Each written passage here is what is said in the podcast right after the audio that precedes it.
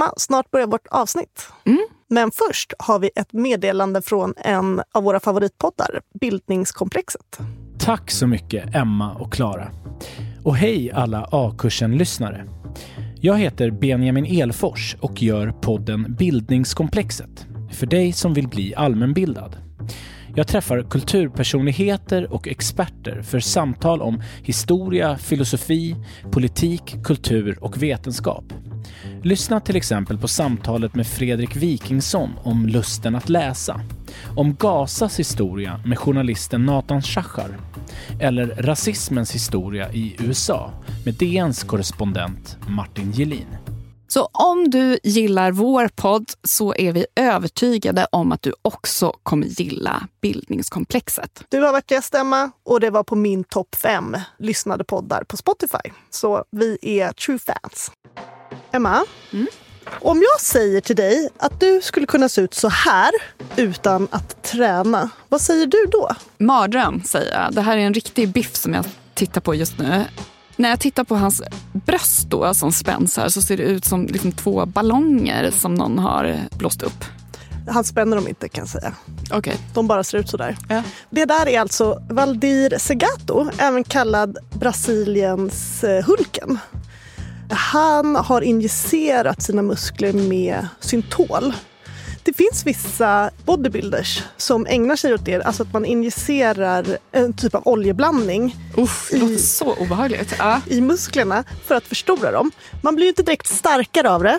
Däremot så kan man se väldigt biffig ut. Ja, det är inte den här looken som jag är ute efter i alla fall när jag går på gymmet. Då får du fortsätta träna då. Tack.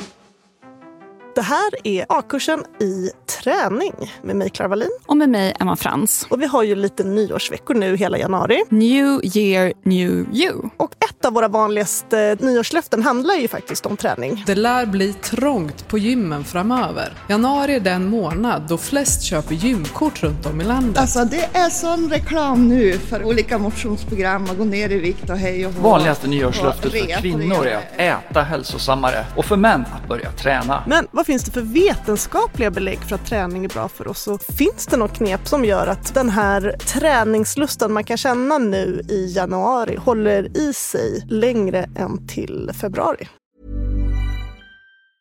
Burrow's furniture is built for the way you live. From ensuring easy assembly and disassembly to honoring highly requested new colors for their award-winning seating, they always have their customers in mind. Their modular seating is made out of durable materials to last and grow with you. And with Burrow, you always get fast, free shipping. Get up to 60% off during Burrow's Memorial Day sale at burrow.com slash ACAST. That's burrow.com slash ACAST. burrow.com slash ACAST. Hey, it's Ryan Reynolds, and I'm here with Keith, co star of my upcoming film, If, only in theaters, May 17th. Do you want to tell people the big news?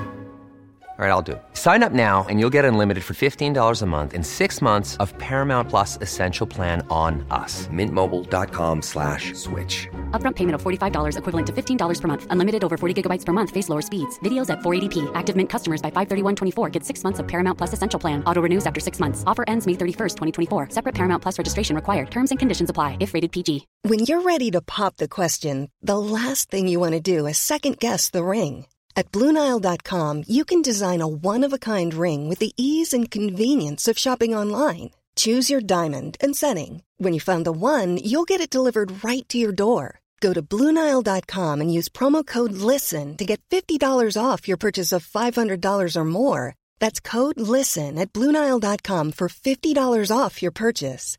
Bluenile.com code LISTEN.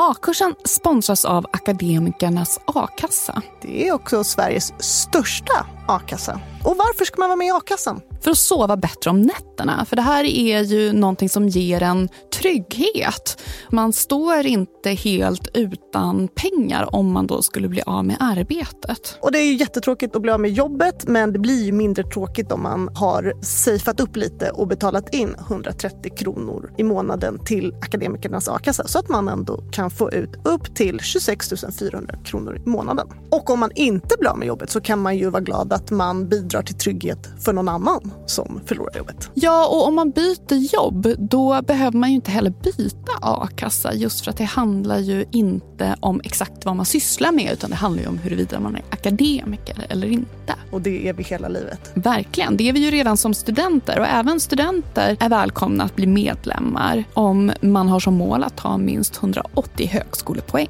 Så gå in på akademikernasakassa.se a-kursen i ett ord och bli medlem redan idag. Och tryggare kan inga vara än vi medlemmar och Guds lilla barnaskara. Ni två. Mm. Jag tror barnaskaran är större och medlemmarna med. Tusen tack Akademikernas a-kassa för att ni sponsrar A-kursen. A-kursen sponsras av TCO, Tjänstemännens centralorganisation. Föräldraförsäkringen fyller 50 år i år. Hipp hipp hurra! Hurra för dem! Eller hurra för oss! Ja, gud ja. Vi är ett rätt stort gäng som har kunnat njuta av denna föräldraförsäkring som när den kom till kallades för ett vansinnigt förslag av motståndarna. Men den revolutionerade synen på jämställt föräldraskap och utvecklingen mot en mer jämställd fördelning av föräldrapenninguttaget har gått framåt. Men sen 2018 har det stått nästan helt still på den fronten, vilket är ju supertrist. För det här ojämna uttaget skapar långvariga och bestående inkomstskillnader mellan kvinnor och män. Och i snitt går kvinnor miste om 50 000 kronor per år. Och det här innebär ju att pappa pappor missar en massa värdefull tid med sina barn. Så det blir ju en lose-lose situation. Hur hade ni det? Var ni bra på att dela? Vi var väldigt bra på att dela skulle jag säga. Jag tog första delen, men sen hade vi faktiskt också ett upplägg som var jättehärlig. Där vi båda liksom jobbade halvtid och var föräldralediga på halvtid sista liksom perioden innan i alla fall vårt andra barn började på förskola. Så dela mera, säger vi. Eller hur? Absolut. Och för att att fira denna fantastiska 50-årsdag som föräldraförsäkringen firar så har TCO gjort en dokumentärfilm ledd av skådespelaren Emma Molin som i lite härlig historieätaranda berättar om vad som egentligen hänt sedan 1974. Så in och kika på den på TCOs sajt. Tack TCO för att ni sponsrar A-kursen. Inför det här avsnittet har jag pratat med Jakob Gudiol. Han är legitimerad fysioterapeut med en master i sport science. Han har också utnämnts till årets folkbildare 2021. Varför ska man börja träna? Det är ju framförallt för att det är både välmående för stunden och en lägre risk då för sjukdomar på sikt. Skulle du säga att det finns en vetenskaplig konsensus när det gäller att träningen har en positiv påverkan på vår hälsa? Om vi bara säger positiv påverkan, så ja. Sen är det ju många av frågorna som diskuteras fram och tillbaka. Till exempel hur mycket det påverkar mortaliteten, alltså hur mycket det förlänger livet kan vi säga då på enklare ord. Och där är det ju lite motstridig data. Man kan studera det här på många sätt. Inget av dem är perfekt, för det perfekta hade ju varit på något vis att randomisera folk i olika grupper och sen få en grupp till att börja träna mycket eller tillräckligt enligt råden och så en annan grupp får inte då träna mycket eller de ska vara mer inaktiva. Så ska vi jämföra skillnaden där. Och det lyckas vi inte med. Så folk har inte den, eller vi har inte den förmågan att förändra människors beteende till den graden så att det blir en större skillnad över tid. Så de studierna har vi inte och då har vi en mängd andra studier och de är lite motstridiga kan vi säga. Alltså, tvillingstudierna antyder att det är ganska liten effekt från fysisk aktivitet. Djurstudier vanligtvis också att det är en ganska liten effekt. Observationsstudier istället, alltså där vi bara följer människor, de visar på en stor effekt. Och sen har vi interventionsstudier som är kortsiktiga där vi tittar på riskfaktorer och där kan man också se en ganska stor effekt. Så det, folk är lite oense där kan man säga. Alltså, hur stor effekt kommer verkligen träning ha på livslängd? Och det är möjligt att det förändras över tid också. För tänker man i, alltså fick du typ 2 diabetes för en 30 år sedan, då hade vi inte så mycket mediciner och så som kunde hjälpa dig. Och då ökade risken att du skulle dö tidigt väldigt mycket. Idag så har vi bra mediciner som kan motverka många av de sakerna som liksom kommer från en inaktiv livsstil. Alltså vi kan sänka blodtryck. Vi kan då förbättra blodsockret hos typ 2-diabetikern och, så vidare. Och vi kan behandla om det väl kommer en sjukdom. Alltså får någon en infarkt så har vi större chanser att rädda deras liv och förlänga livet idag. Så eh, kanske är det så att träning medger att man blir sjuk senare, men inte förlänger livet, utan livet blir mer genetik. Vilka hälsofördelar finns det liksom starkast belägg för? starkast belägg för det är ju de här sakerna som vi kan påverka över lite kortare tid. Alltså ta blodsockerkontroll till exempel. Där har vi väldigt stark evidens för att får vi någon att motionera, bara att skulle jag få en inaktiv person att ta en promenad idag så kommer den personen ha lite bättre blodsockerkontroll det närmsta dygnet efter. Och samma sak om vi får en person att göra det här regelbundet i ett par månader. Och det kan vi göra. Vi kan ju liksom be dem komma till en träningslokal och så tittar vi på dem när de tränar så vi vet att de utför träningen. Och Då kan man också se en liten kronisk effekt där. Så att om man är en person som tränar regelbundet så även om man inte tränar på två, tre dagar så har man fortfarande en liten positiv effekt på blodsockerkontrollen. Då. Så där har vi bra evidens. Blodtryck, att det kan sänka det något, har vi bra evidens. Humöret har vi väl så bra evidens vi kan få till på sätt och vis. Alltså, det finns ju mycket kring det här med att man minskar risken för depression och sådana saker. Där har vi ett problem med att det är svårt att blinda folk. Alltså, vi kan ju inte lura dem till att tro att de inte har tränat. Utan det man får göra då det är att man får dela in folk i flera grupper där en grupp kanske tränar med en dos som vi tror har effekt och så får en annan grupp träna med en betydligt mindre dos. Men de tror att de tränar då. Och så kan man jämföra de här grupperna. Och den typen av studier talar också för att träning har ett bra effekt på humöret. Och sen har vi de här solklara sakerna, så det blir ju starkare. Och det kan ju vara kul att lyfta tunga saker. Du kan bli snabbare, det kan väl vara kul att vara snabb och hoppa lite högre. Du får bättre kondition, du blir inte så flåsig när du går trapporna. Alla de sakerna har vi ju väldigt starkt evidens för. För det kan vi bara träna folk 8-12 veckor så ser vi att det där blir bättre.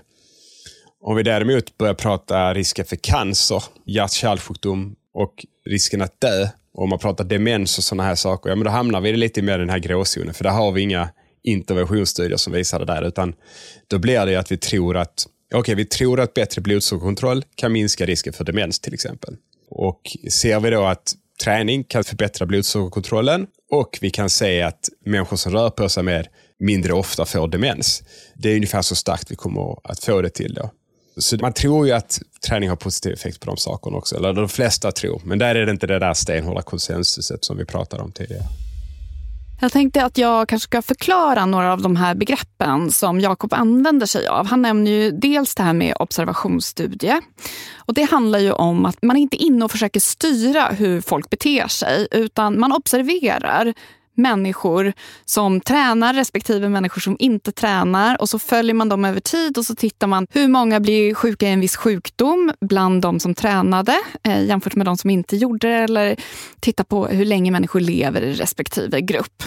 Och Problemet med observationsstudier det är ju att man inte kan veta säkert huruvida det är träningen som orsakar de här utfallen. Man tittar på korrelationer men man kan liksom inte säkerställa att det verkligen handlar om kausalitet. Så kausalitet är, då vet man att träningen har definitivt gett det här exempelvis längre livet medan det kan vara att det är någonting som både har gjort att jag tränar och att jag lever länge. Exakt. Det kan finnas liksom andra anledningar till att man ser att liksom folk som tränar mer också har bättre hälsa och lever längre. Kanske är rikare. Ja, men exakt. Så kan det vara. Eller liksom friskare från början. Så det kan finnas mycket såna där liksom störfaktorer som ligger bakom.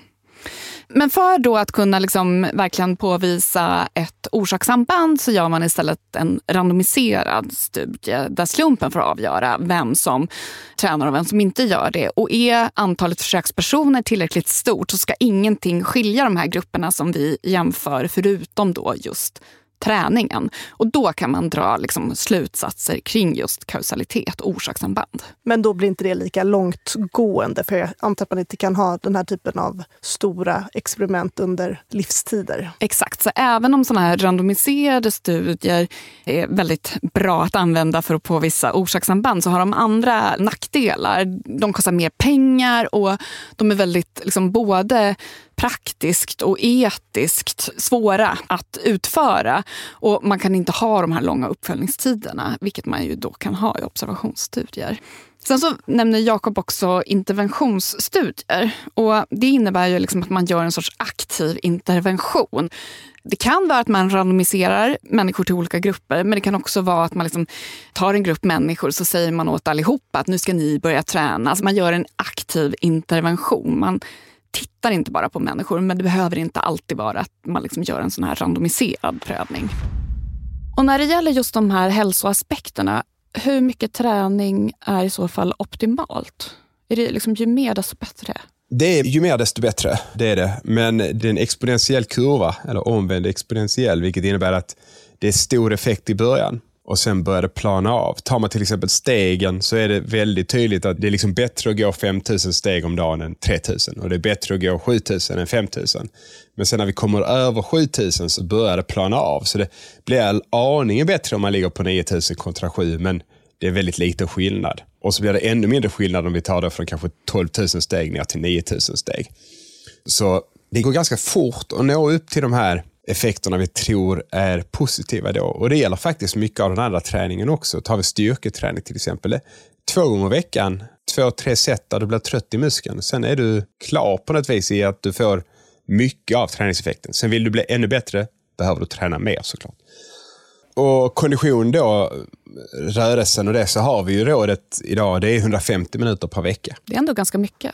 Ja, på sätt och vis. Men man räknar med allt där. Alltså, så länge du kommer upp i måttlig intensitet, som du till exempel cyklar till jobb och du liksom trampar bara lite, lite så att det blir någon typ av ansträngning och du har tio minuter till jobb och så gör du det fram och tillbaka, ja, då är du ju uppe redan i 100 och sen ska du liksom ha 50 till genom att göra någon typ av träning den veckan kanske. Då, eller, eller att man går en rask promenad med hunden och sådana här saker. Så 150 är ganska lätt att nå om man försöker nå det på något sätt. Jag tror att de flesta hade kunnat trycka in det där i en vardag genom framförallt aktiv pendling och sådana här bitar. Sen har man nu i WHO, deras nya sådana rekommendationer för aktivitet så har de lagt till att mer är bättre. Alltså man kanske kan sikta upp mot 300. Men då får man också ytterligare effekter, men inte alls så stora som när man får upp till 150. Så 150 är satt där ungefär där den här kurvan börjar plana av. Så går du förbi den så kommer det mer effekter, men de blir inte alls så stora. Vi måste röra på oss regelbundet. Och då har vi morgongymnastiken i radio som en bra metod. Låt ut nattdunket ur lungorna på det här sättet, dina klämmiga utandningar. Kanske att jag vill greppa längre ner på bandet där. Och så ner och upp. Ja, så man nästan färdig, det vill säga att ödmjuka sig i en finare framåt nedåtböjning med gungande tändning till så här. Vi börjar med låga burpees. De här är riktigt, riktigt helvete. Ni är här, ni är toppen, ni är här. In his speech from the throne at the opening of Parliament, His Majesty the King used these words. I am impressed with the need for more comprehensive efforts to improve the physical condition of the nation, especially among the younger members of the community. Ja, så har vi den där välsignade kalaskulan och den ska vi ta och en liten extra duvning med rullar in. Hur länge har vi tränat egentligen? Ja, som så många gånger tidigare i den här podden så behöver vi ju gå tillbaka till de gamla grekerna. Ja.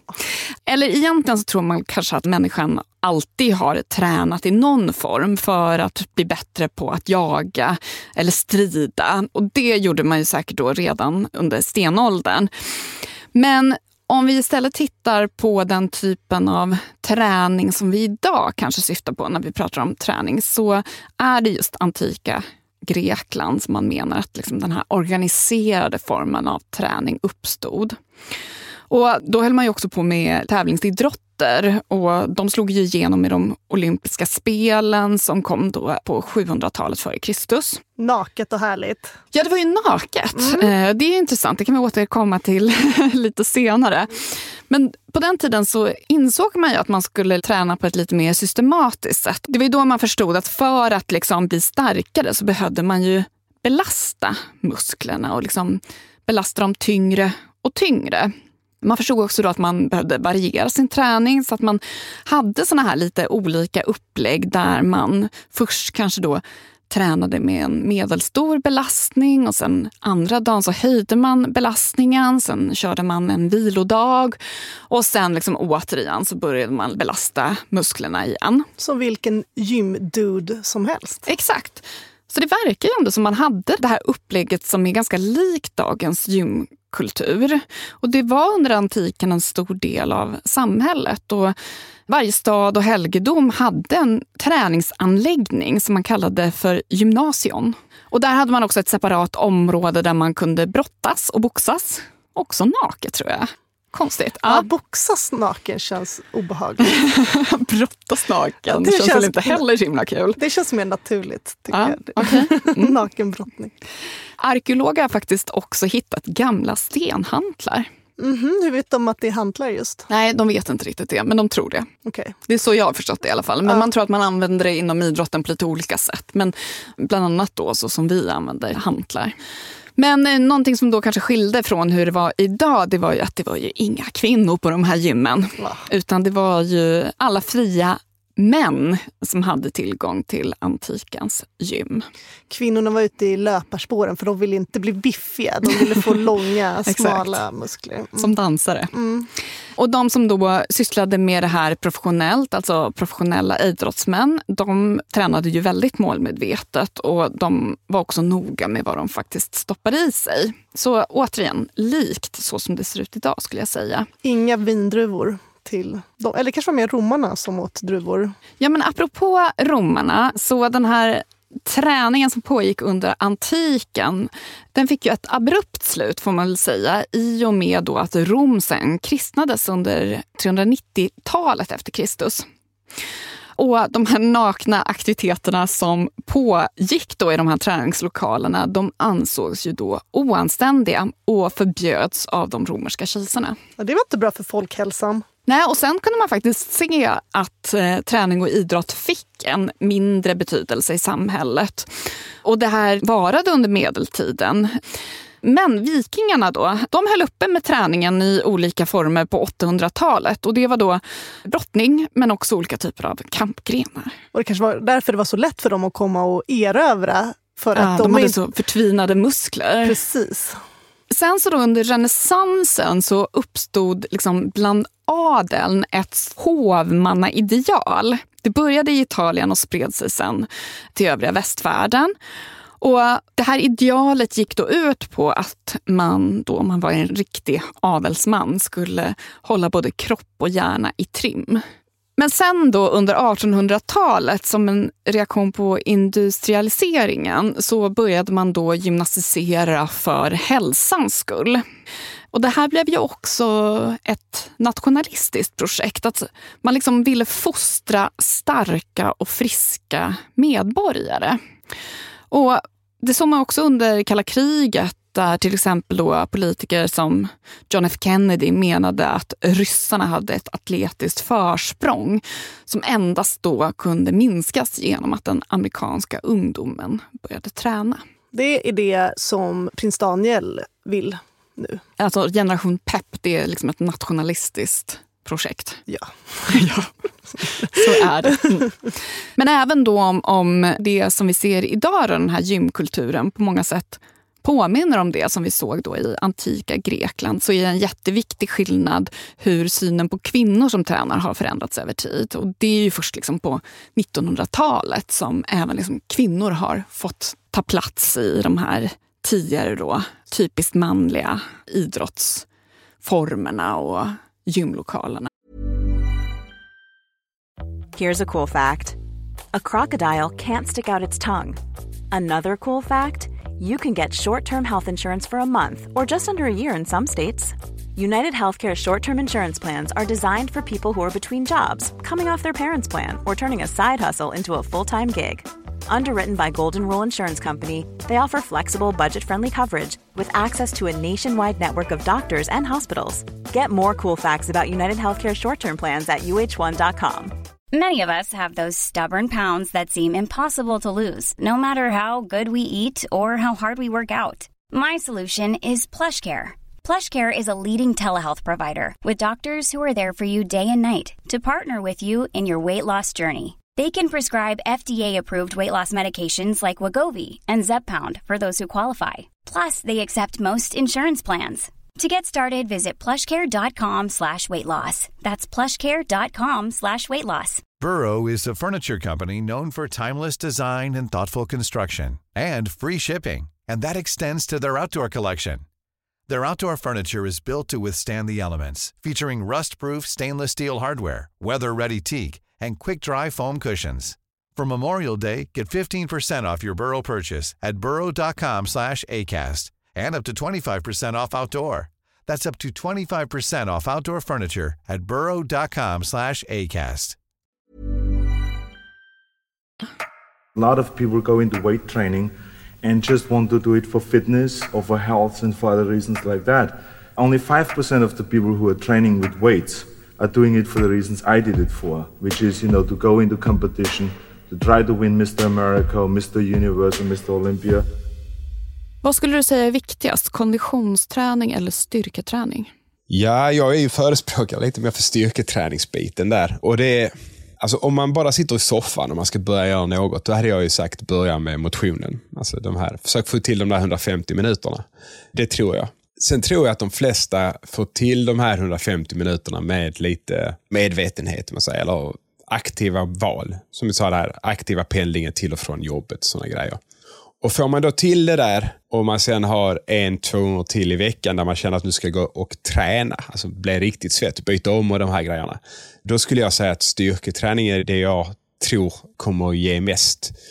För att vi har ett problem idag, alltså de flesta har inaktiva arbeten, vilket innebär att man underhåller sin muskelmassa väldigt dåligt på arbetstiden, man ska säga, eller till vardags.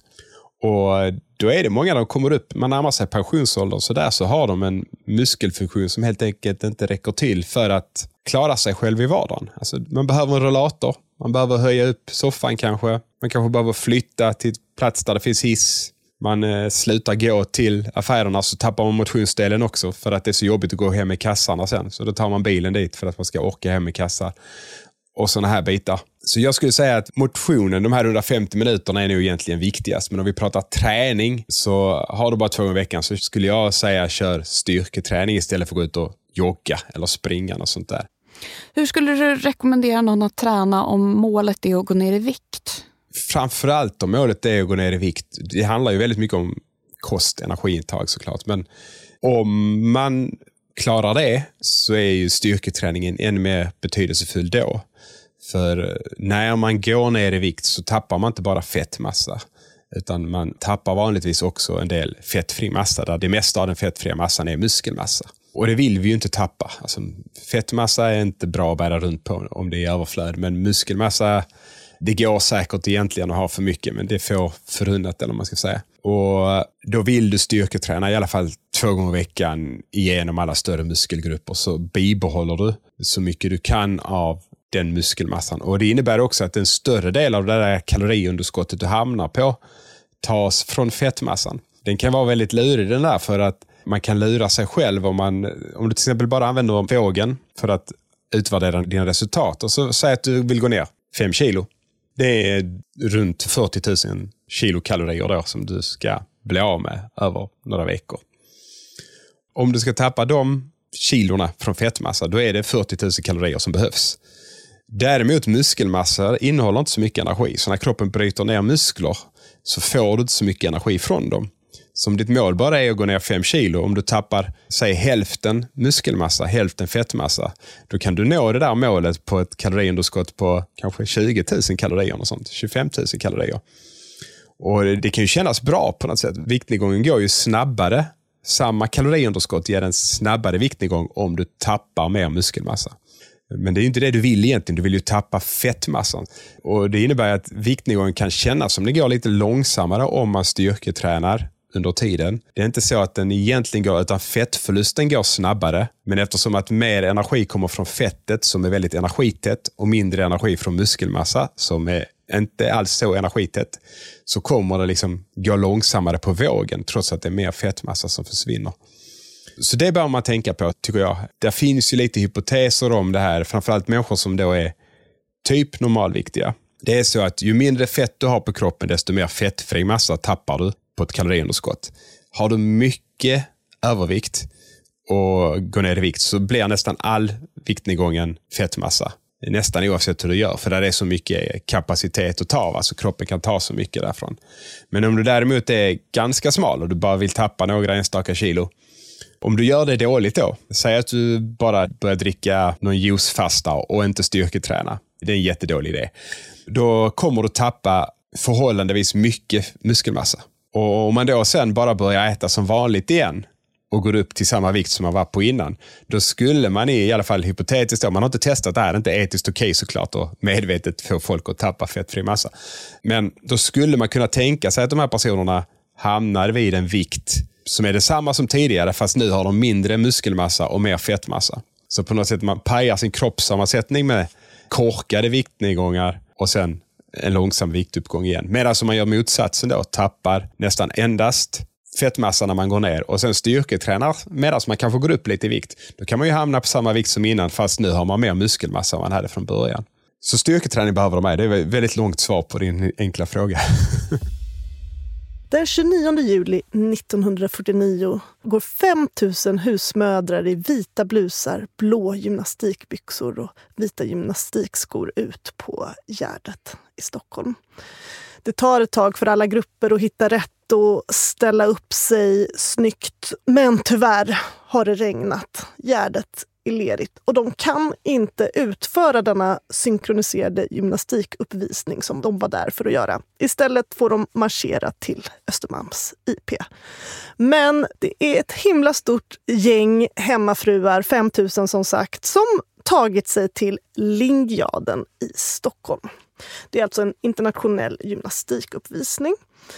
Och de här husmödrarna har varit väldigt sugna på att komma dit. I Svenska Dagbladet den 28 juli 1949 läser jag bland annat om att en mamma rest från Ängelholm till Boden för att placera sitt barn för att pappan var i Boden, så hon var tvungen att ta den lilla omvägen.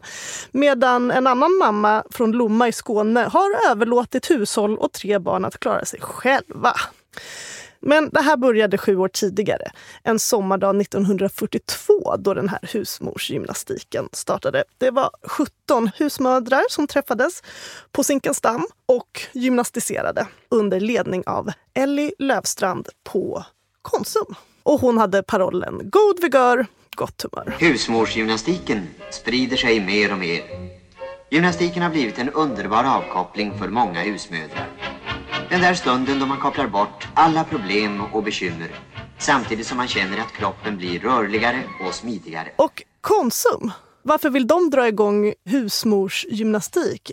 Konsum var liksom något kooperativ. Det var liksom lite av ett socialistiskt projekt, eller? Ja, men också så var ju husmödrarna deras absolut viktigaste målgrupp i egenskap av konsumenter.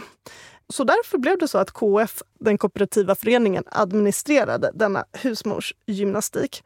Men jag kan förstå att det blev en grej. Tänk dig då vara en 40-tals hemmafru, ta hand om barn, ganska isolerad. Mannen kommer hem, förväntar sig mat på bordet. Medan då med den här husmorsgymnastiken, då fick man komma dit. Det fanns barnpassning och röra på sig. När man eh, går hemma i sitt hushållsarbete så är det mycket, mycket bra att man får lite ombyte och kommer ner i gymnastiken och inte bara går hemma med diskbaljan och håller på med golv och sådant för det är inte alls något så trevligt och man behöver lite ombyte. Och det här växte och växte och från de här 17 husmödrarna som började 1942 så blev det 50 000 stycken ute i landet som höll på med det här. Och många, många fler husmödrar skulle komma om de hade en aning om hur skönt det är och hur pigg man känner sig efter denna halvtimmes gymnastik. Och det fortsatte på 50-talet och 60-talet. Men på 70-talet däremot, då var det ju inte så relevant längre med husmorsgymnastik. För att det blev färre hemmafruar, eller? Precis. Vad tänker du om talesätt som den bästa träningen är den som blir av? Mm, jag gillar inte den riktigt. Mm, jag vet. Jag tycker det. alltså det, det är ju inte den bästa träningen. Det är, det är på något sätt som att säga att det bästa betyget i skolan är om du får godkänt, om det var det du ville. Alltså det, det finns ju bättre och sämre träning såklart. Och framförallt om du har ett mål. Vill du bli starkare, då behöver det vara muskelstarkande. Det kommer inte funka att börja springa milen om du vill bli starkare i armarna och sådana här saker. Utan all träning är bra, all rörelse är bra och det är bättre du gör det än ingenting. Men har man ett mål så finns det ju träning som är mer ändamålsenlig för det målet såklart. Sen är det ju också en balans kring vad är det mest ändamåliga och vad är jag beredd att göra? Alltså, jag personligen har perioder där jag skulle vilja bli starkare och jag vet ju såklart att hade jag investerat säg åtta timmar i veckan så hade det gått mycket bättre än om jag lägger ner två. Men jag kommer bara lägga ner två. Och jag kan inte säga att det är den bästa träningen då, tycker jag. Alltså, jag tycker väl mer att det här är det bästa jag orkar med, eller mäktar med på något vis. Så jag tycker väl uttrycket blir lite fel, för jag tror folk tar det lite som att det här är jättebra för jag tränar. Och det är ju bra att du tränar, men har du ett mål som är liksom relaterat till någon av de effekterna man kan få från träning, då behöver du göra en, en träningsform som tar dig mot det målet. Det finns ju lite sådana här grejer efter nyår med att bibehålla motivation. De flesta är ju väldigt motiverade när de börjar. Men en faktor som man eh, ofta ofta inte tar i så stort beaktande, det är ju att en betydande orsak till att folk fortsätter, det är att de känner att de får ut någonting från träningen. Så om ditt mål till exempel var att jag vill få en bättre kondition och så går du ut och bara kör powerwalks. Och det kan ju vara konditionsträning för en del med väldigt dålig kondition, men för de flesta är powerwalks, det är för lätt. Det är bra motion, det är bra rörelse, det tillhör de här 150 minuterna. Men din kondition kommer inte förbättras särskilt mycket av en powerwalk.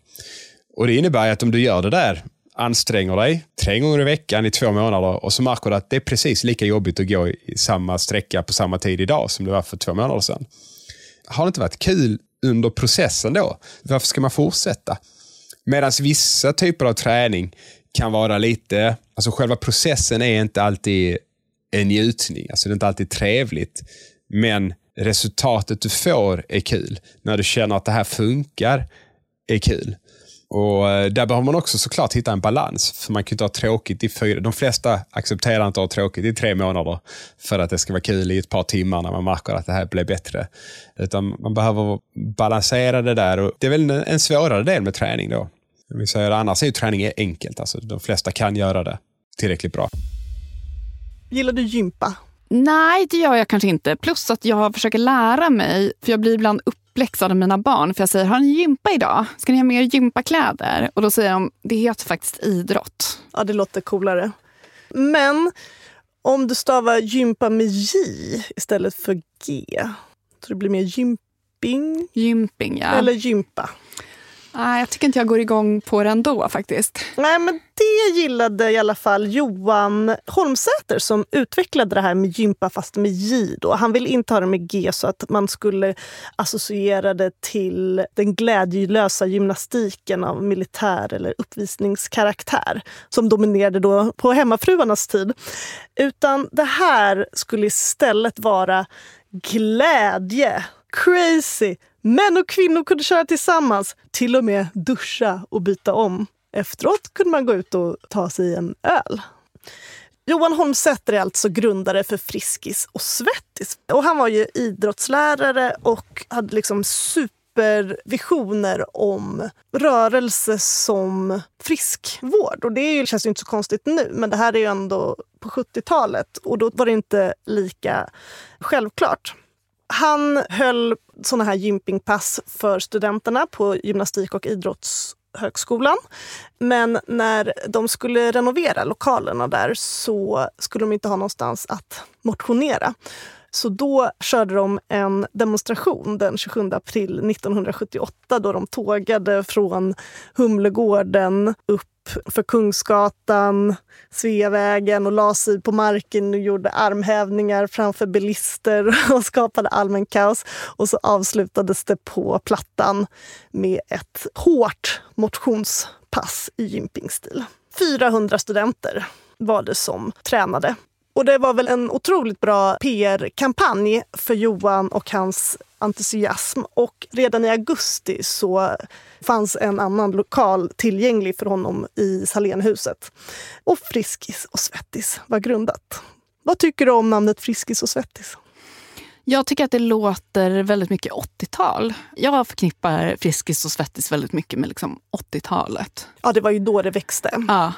Och Johans kompisar tyckte det lät lite äckligt. Men Friskis skulle alltså vara att hålla sig frisk och att vara en bro till Svettis. Att träna skulle göra en frisk. Och enligt honom själv då på 70-talet tog det ungefär 40 timmar för honom att ta fram ett gympingpass då på en halvtimme. Och i början gjorde han liksom rörelserna hemma men inredningen tog för mycket skada av det. Så att efter det så började han sitta med stoppur och räknade takter. Och han gillade mest musik i 60-70 bpm. Helst Electric Light Orchestra när det kom till rörelser, smidighet och styrketräning. Men när det gällde syreupptagning, då var Baccarat bäst. Men det hade väl blivit en gymtrend oavsett Friskis och Svettis eller inte. Men det var ju liksom de som gick i bräschen för gruppträning och så i Sverige. Och jag tycker det är väldigt rart hur de inte släpper på gympingbegreppet i första taget. Som step up, vad tror de kallade det? Gymp-up. Brädgympa. Aerobics. Konditionsgympa. Tricksgympa. Pump. Lyftgympa. Gympa med stång. Och så var det ju väldigt mycket under 80-talet men under 90-talet blev Friskis och Svettis mer vad det är idag och det är inte så stor skillnad mellan det och Sats och andra gym där det finns liksom individuell träning med maskinparker och olika typer av pass. Men gympan är fortfarande det populäraste.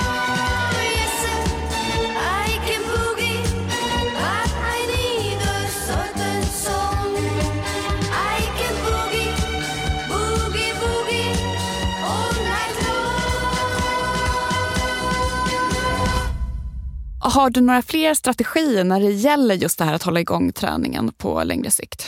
Vi har ju ingen lösning på det.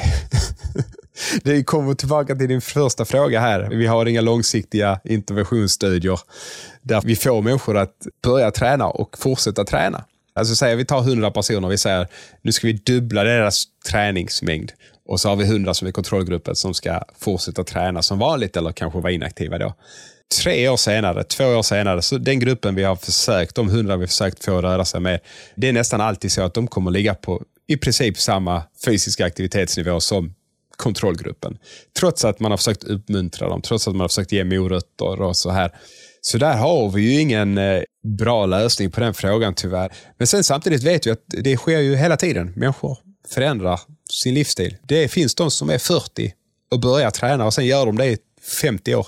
Så absolut att man kan, men eh, det är ingen universal. Sen är det ju små grejer som man vet. Om man tar två grupper, båda grupperna ska få börja träna och så testar man olika typer av råd till dem. Då går det ibland bättre för den ena gruppen. Till exempel om man ska sätta upp ett mål att man ska nå målet. Du ska vara klar. Så du ska inte bara sätta ett mål som är från och med nyår så ska jag träna tre gånger i veckan. För du, du har ju aldrig lyckats då. Alltså även om du slutar 40 år senare så Nej, jag tränar inte tre gånger i veckan. Liksom. Utan sätt ett slut på det. Säg tre gånger i veckan fram till maj. Och sen när du kommit till mig så kan du ha en fest eller du kan lägga upp på Facebook eller Instagram eller vad du vill. Och liksom klappa dig själv lite på axeln och säga, jag klarade det här. Jag gjorde det. Och sen när du har klarat det, såklart, då ska man inte bara säga, sätta sig i soffan igen och nu är nöjd, jag kunde. Utan då sätter man ett nytt mål. Det kan vara att man ska ge sig på en annan träningsform eller att man ska fortsätta att eh, göra det man har tränat innan en gång i veckan och så börjar man göra något annat tre gånger i veckan eller något sånt här. Men att man sätter målstolpar som du faktiskt kommer att nå.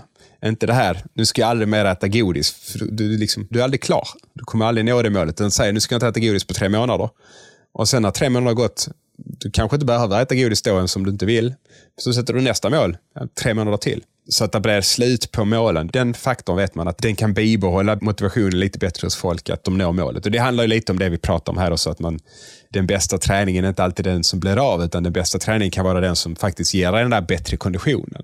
Eller som gör att du kan springa snabbare om det, eller lyfta dina barnbarn, eller vad nu målet var. Förra veckan handlade det ju om självhjälpslitteratur. Till det avsnittet läste jag ju The Compound Effect. Och något jag tyckte var bra i den boken var det här med att man inte kan förlita sig på viljestyrka. Utan om man har bestämt sig för att göra något, som exempelvis att träna, då ska man ha sitt varför.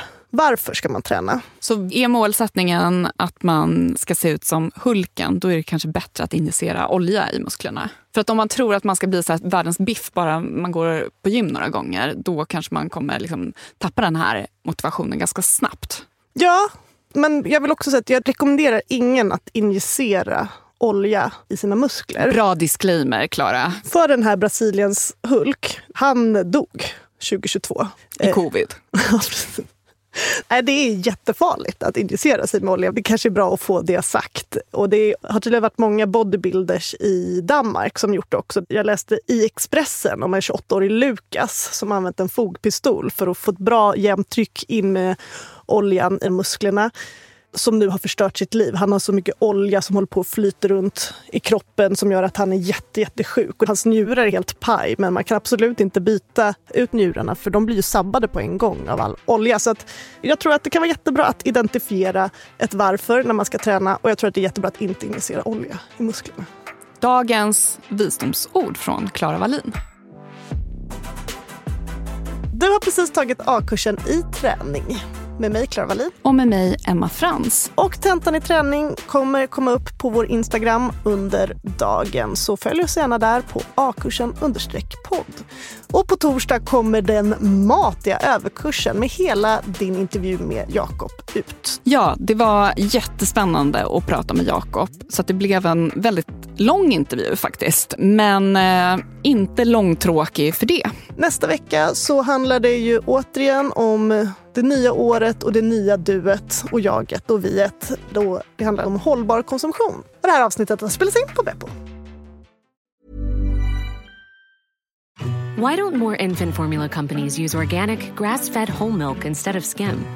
Why don't more infant formula companies use the latest breast milk science? Why don't more infant formula companies run their own clinical trials? Why don't more infant formula companies use more of the proteins found in breast milk? Why don't more infant formula companies have their own factories instead of outsourcing their manufacturing? We wondered the same thing. So we made ByHeart, a better formula for formula. Learn more at byheart.com. Imagine the softest sheets you've ever felt. Now imagine them getting even softer over time. That's what you'll feel with Bowl and Branch's organic cotton sheets. In a recent customer survey, 96% replied that Bowl and Branch sheets get softer with every wash. Start getting your best night's sleep in these sheets that get softer and softer for years to come. Try their sheets with a 30-night guarantee. Plus, get 15% off your first order at bowlandbranch.com. Code BUTTERY. Exclusions apply. See site for details. Planning for your next trip? Elevate your travel style with Quince. Quince has all the jet setting essentials you'll want for your next getaway, like European linen, premium luggage options, buttery soft Italian leather bags, and so much more. And is all priced at 50 to 80% less than similar brands. Plus, Quince only works with factories that use safe and ethical manufacturing practices. Pack your bags with high-quality essentials you'll be wearing for vacations to come with Quince. Go to quince.com slash pack for free shipping and 365-day returns.